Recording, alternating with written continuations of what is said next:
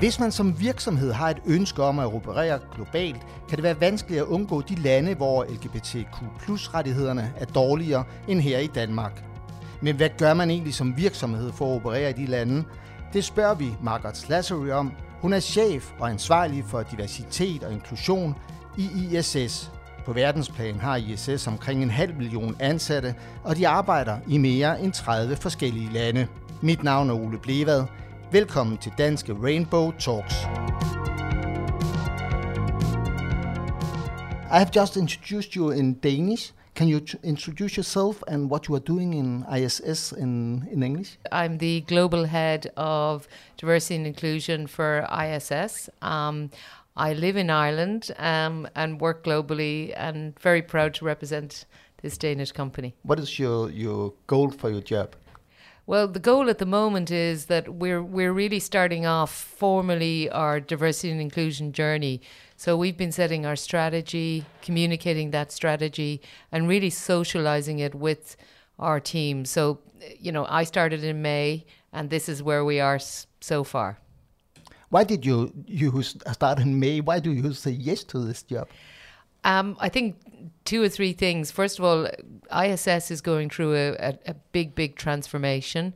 And it was really appealing that this was an organization who was in a change mode. So there was an opportunity to start a journey. Secondly, our CEO, Jakob, is, I think, really passionate about change and very passionate about inclusion.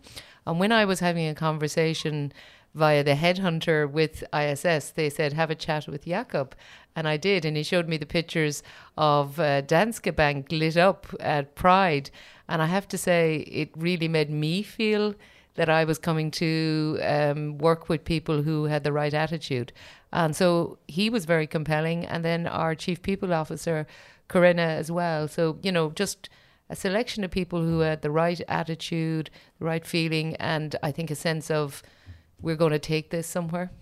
And what is the, the strategy for the LGBTI uh, persons in ISS? So we've started and, and we've picked out five dimensions, of one of which is what we're now calling pride. And we're calling it pride because we want to be inclusive of our heterosexual um, colleagues as well. So it's pride in our sexual orientation. And the biggest part of the strategy right now is to actually launch a global employer resource group um, we did a big, we started off with a bang, if you like, in Pride Month, just because we just started. And we had a big global webinar. And again, Jakob led that with Corinna. And we had people on from China, we had from Poland, and I'll explain some of that. So we were trying to, I suppose, talk about parts of the world where there were challenges, and then people from all over the world. And we had a big participation. Um, so really, with Pride, it's get the global ERG going and really make an impact and awareness. So that's probably our first steps. Where do you see the can we sort of biggest problems in, with the LGBTI? Well, you know, the biggest problems are, first of all, um, I think, you know, just making sure everyone's going to be comfortable about this. Um, I want people to support us and to support us because not only because it's the right thing to do, but because it's something that is it's a human right, etc. So I think there's going to be education and an awareness for people. Um, ISS is by background maybe quite a conservative organization, so we're we're plunging them into lots of change, um, and I want people to feel that you know we're doing this for the right reasons and that we don't back down. Um, and then I think the other difficulties really are around that as we operate globally and we're in 30 countries around the world, there will be regions and part of the world where our people won't feel as safe as perhaps they do in headquarters in Denmark. So we need to make sure that that's something that we we put out and we give people that sense of being psychologically safe, even if we can't be physically there with them.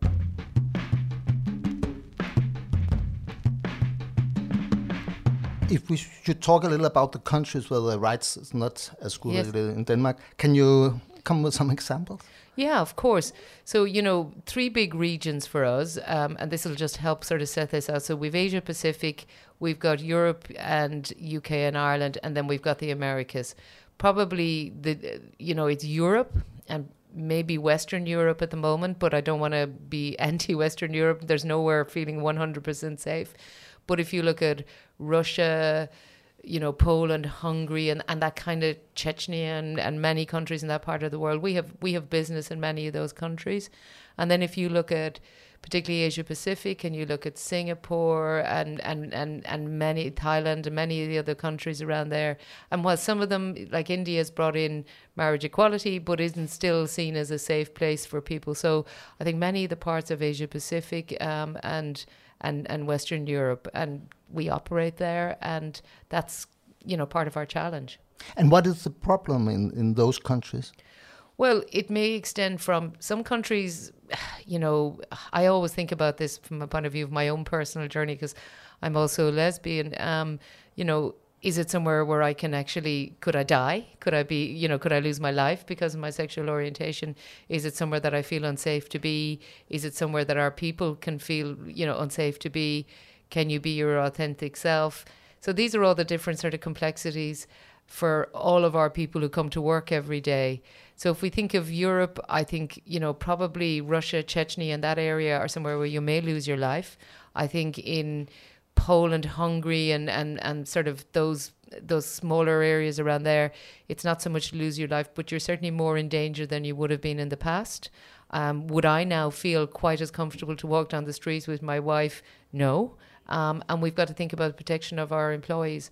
And in some parts of Asia Pacific, you may be punished and put in prison. Um, you may end up in, in, you know, let's face it, China has a lot of challenges. You may end up in prison, and uh, who knows what happens. So I think we've got to be really conscious of that and think about how we help people.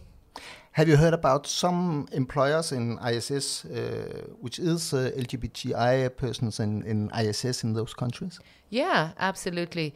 Um, I'm really, really lucky. You know, I inherited uh, here uh, bunches of people who've been doing so much in so many parts of the world all along, not always formally, but informally.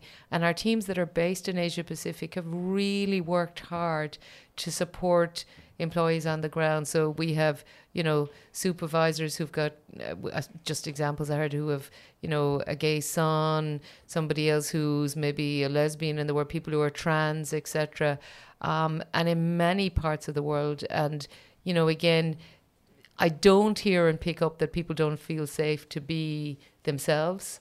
Um, but you know, do I know everything just yet? And that that's something that's going to emerge over time. And do you think ISS have a responsibility uh, for the LGBTI employers and the and their rights in all those countries? Well, I I certainly don't want to sit here or, or be on this on this uh, podcast and say everything's perfect, but what I do want to say is. I, I truly believe, as I know Jakob does, that we are a fair employer and we do the right thing. But you know we're becoming more aware of our obligations around LGBTQ plus. So we need to work with our partners in all of the countries that we're in to make sure that we are really making people aware. And as you know yourself it's awareness it's uh, it's knowledge that helps people open up and sort of question the practice. I'd like to think we do the right thing everywhere we are but yeah I mean it's it's going to take time and it's a journey. Will you go around the world and, and, and work for it? Yeah, I mean, certainly in in my previous company, um, prior to the pandemic, I, that's what I was doing, and and my last uh, sort of big journey had been to had been to Asia, and I'd spent time in India and in Singapore and in Thailand, and you know, there's nothing better than going to the places where people are and seeing and working with the NGOs as well. So a real live example was that in India we worked with a company who helped trans people. Um, and we actually had a, a supplier agreement with them. They supplied water. It was a, a an amazing organization. So we looked at how you know trans people who had been sex workers were now finding jobs that weren't in that in that realm, and again by buying that product and supporting that organization and standing by them, we were able to to make for change. So I think there's nothing better than being on, on the ground and seeing what's actually happening.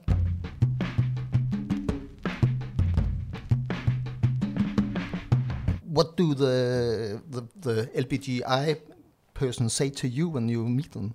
Oh, I mean, it varies from you know some people and this is again my experience particularly when i was in india and we went down to rural india and to many places you get people who literally put their arms around you and they're so glad to see somebody like them and that you because you represent in an organization something that they didn't maybe some of them even ever believe would happen um, Sometimes people will tell me things they're worried about or that are fears for them. You'll quite often get people who will come up to you and they may not uh, even be out at work, but they'll identify and say something to you. They'll maybe share about a leader that isn't inclusive. So I kind of always go with a listening ear and being open to hearing, and obviously to respect that confidentiality, and then to try to go away and bring some change, but not to uh, identify the person. So to be very careful about how I manage that confidentiality, because that's a lot of trust people put in you. Mm. How much can you do as a company compares with what a government can do? Well, I think we can do so much. I mean, if you think of the model of ISS, uh, you know, we are probably the first job that most people who come from, you know, very difficult world situations, like people who are fleeing from Afghanistan right now, who are refugees all over the world, end up in somewhere as a, as you know somebody who's kind of landed with nothing. ISS is often one of those employers that they get that first job with. Um, and as a social innovator and an organization who's in workplace, we can be a big influencer. Um, I think it's really important that we play our part. Um, and also, probably the part I think that this is again that move and change in civil society is that organizations and workplaces, you know, through ESG and, and everything we're all concerned about, we have a voice and we can have that heard. And I think you've seen examples over the last couple of years, you know, organizations who didn't subscribe to stuff that, for instance, President Trump wanted to do in the US, or if you don't, if you have a problem with some of the policies, you can have your voice heard. Doesn't always mean that you'll change the world, but business influences. And if you were going to put a headquarters or a new building somewhere and you were saying, well, I actually don't think I can because this doesn't feel right, they can often influence government and you, you change thinking bit by bit. Is it more important to change things in Europe than it is, for example, in India? No, for me, it's important to change things everywhere um, because, you know, I often feel for people who, and probably actually even more important in, say, Asia, because they're so far away. If I give you just a recent example that I had, you know, some of the colleagues, I was on a call with uh, Asia, and some of our colleagues were saying, you know, oh, so it's the holidays in Denmark and you know everybody's in holidays, but it's not holidays here. Um, and they're usually the folks who come on the you know they're on late at night when we're on our daytime and that sort of thing. So they feel far away from things. So we need you know to help them to feel close to the organisation and to the heart. But I wouldn't want to discriminate that we just do it there because that's far away. Um, and you know, in our own backyard, we need to we need to do that. So whether we're bringing social change to to Denmark, whether we're bringing that social change to Europe, or whether we do it in the US or Asia, each one is, is equally important. What is your best weapon to to to make better uh, rights? Well, I think probably my best weapon um, is role modeling of myself, our teams, and our our CEO. And I mean, having a CEO who really, really believes that makes such a difference because, um, you know, Therefore, I can get investment, I can get support. And when your CEO stands up and you know talks, for instance, at our, we had a global leadership conference in May, and I just joined, and the first couple of words from Jakob's mouth were around belonging. Now that's powerful, and to be honest with you, that's the part that changes the managers at the next level and the next level and the next level, and they're the people who manage our people. So that's it for me. Do you think it's the future that the, the companies do all the work? I think absolutely. Um, there's no doubt as a as a contributor to society, workplace and organisations have a big part to play, and I do not think that companies can stand back. And actually, in the future, I think it'll become even more so. So uh, we're not going to ever be in a scenario where companies renege or stand back from their obligations.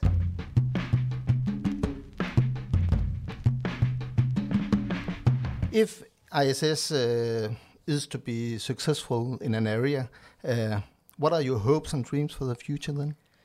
Well, I'd love us to be, you know, I think to be known among our own people. That's the first and foremost thing. So if you ask somebody who is either an ex employee, alumni, retired, or a present employee, and they can say that they they feel they belong in ISS, then that's probably the most important thing. Um, you know, it's not all about winning awards or being really vocal, etc. It's about actually the engagement of our people. And then, if on top of that we become recognized as a decent employer, a contributor to society, and a great place to work, fantastic. And how will you succeed in your job? Well, I'll succeed. I was talking to my boss about this yesterday. Um, you know, for me, success is actually about making a change. And when I see that physically and I can touch it, and, you know, when, when that is a strong um, you know, engagement for a figure, for instance, then I know I've succeeded. Uh, when when I get people who who feel, you know, if I go, for instance, to China, and I was chatting with one of our teams there recently, and when they feel that it's made a difference to them, that'll have truly succeeded. I think. And now you're in, in Copenhagen, and if I said, "Don't talk about the rain," how do you think it is uh, the pride can do for for all those questions? Um, well, as an Irish person, I, I'm um, I'm I'm used to the rain, so the and I won't talk any more about it. But it's not an.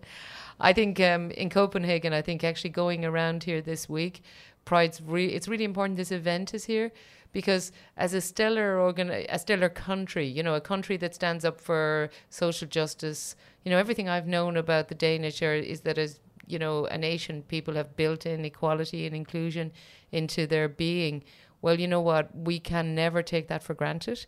And it's very important that this is here. And as people are passing by or driving by, that they see these flags and they know what these organizations stand for. So I think, um, you know, well done, Copenhagen, for being loud and proud and uh, for all the organizations who are showing up for that. Margaret Slattery, Global Head of DNI in ISS, thank you very much for being here. Du har lyttet til Danske Rainbow Talks af Danske Bank. Søren Engelbrecht stod for tilrettelæggelsen og klip. Mit navn er Ole Blevad. Tak fordi du lyttede med.